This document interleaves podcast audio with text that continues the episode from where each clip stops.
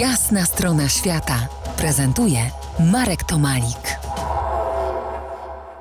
Sięgam dziś pamięcią co najmniej trzy dekady wstecz do wielkanocnych zwyczajów w mojej rodzinnej wsi Kozy u stóp Beskidu Małego. Opowiadałem wam o śmierguśnikach, o wielkanocnych przebierańcach, którzy w pierwsze, drugie święto snuli się po wsi, zaczepiali ludzi, wpraszali do domów. Z perspektywy czasu widzę ich jako zanurzoną w tradycji anarchię bez trzymanki. Niestety nigdy nie wziąłem w tym bezpośredniego udziału. Najpierw byłem za mały, a potem, a potem już tego po prostu nie było. A było to tak zwane chodzenie po śmierguście. Zawsze była to tak zwana banda, zamaskowana banda śmierguśników.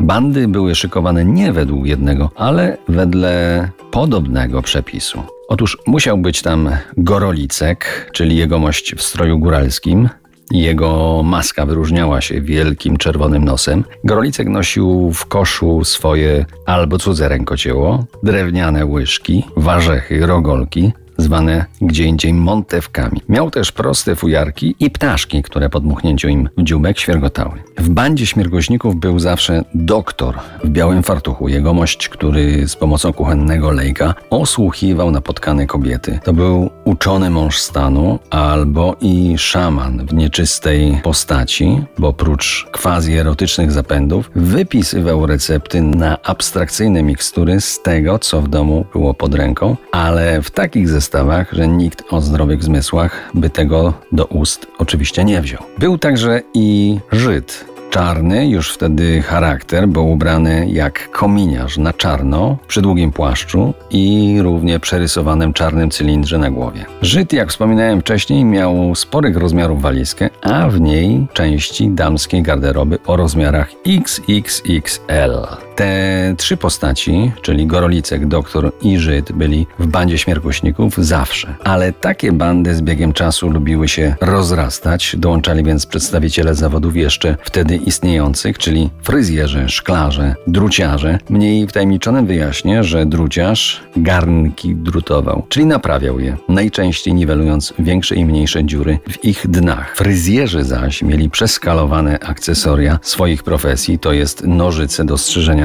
baranów zamiast nożyc takich zwykłych fryzjerskich. Jak już ktoś nie miał pomysłu, robił w śmierguśniczej bandzie zadziana. To znaczy udawał kalekę, chodził w przykurczu i eksponował tak zwane pukle na plecach. Były też cyganki, czarownice i wiedźmy, a nawet młode panny, za które, oczywiście z welonem i w białych sukniach, przebierali się zawsze, uwaga, panowie, Taki pochód śmierguśników to był przekrój społeczny. Im większa banda, tym pełniejsza, silniejsza reprezentacja wioskowej, a nawet ponadwioskowej populacji. Kilkanaście lat wstecz kozianie przestali chodzić po śmierguście. Teraz w pałacu, który mieści bibliotekę i dom kultury, próbują rekonstruować ich maski i stroje. Niewiele się tam zachowało. Część z nich trafiła do Muzeum Górnośląskiego w Bytomiu i Muzeum w Bielsku Białej. To może już dość tego folkloru. Za kilkanaście minut opowiem opowiem Wam o wsi mojej rodzinnej i może kogoś zachęcę do jej odwiedzenia.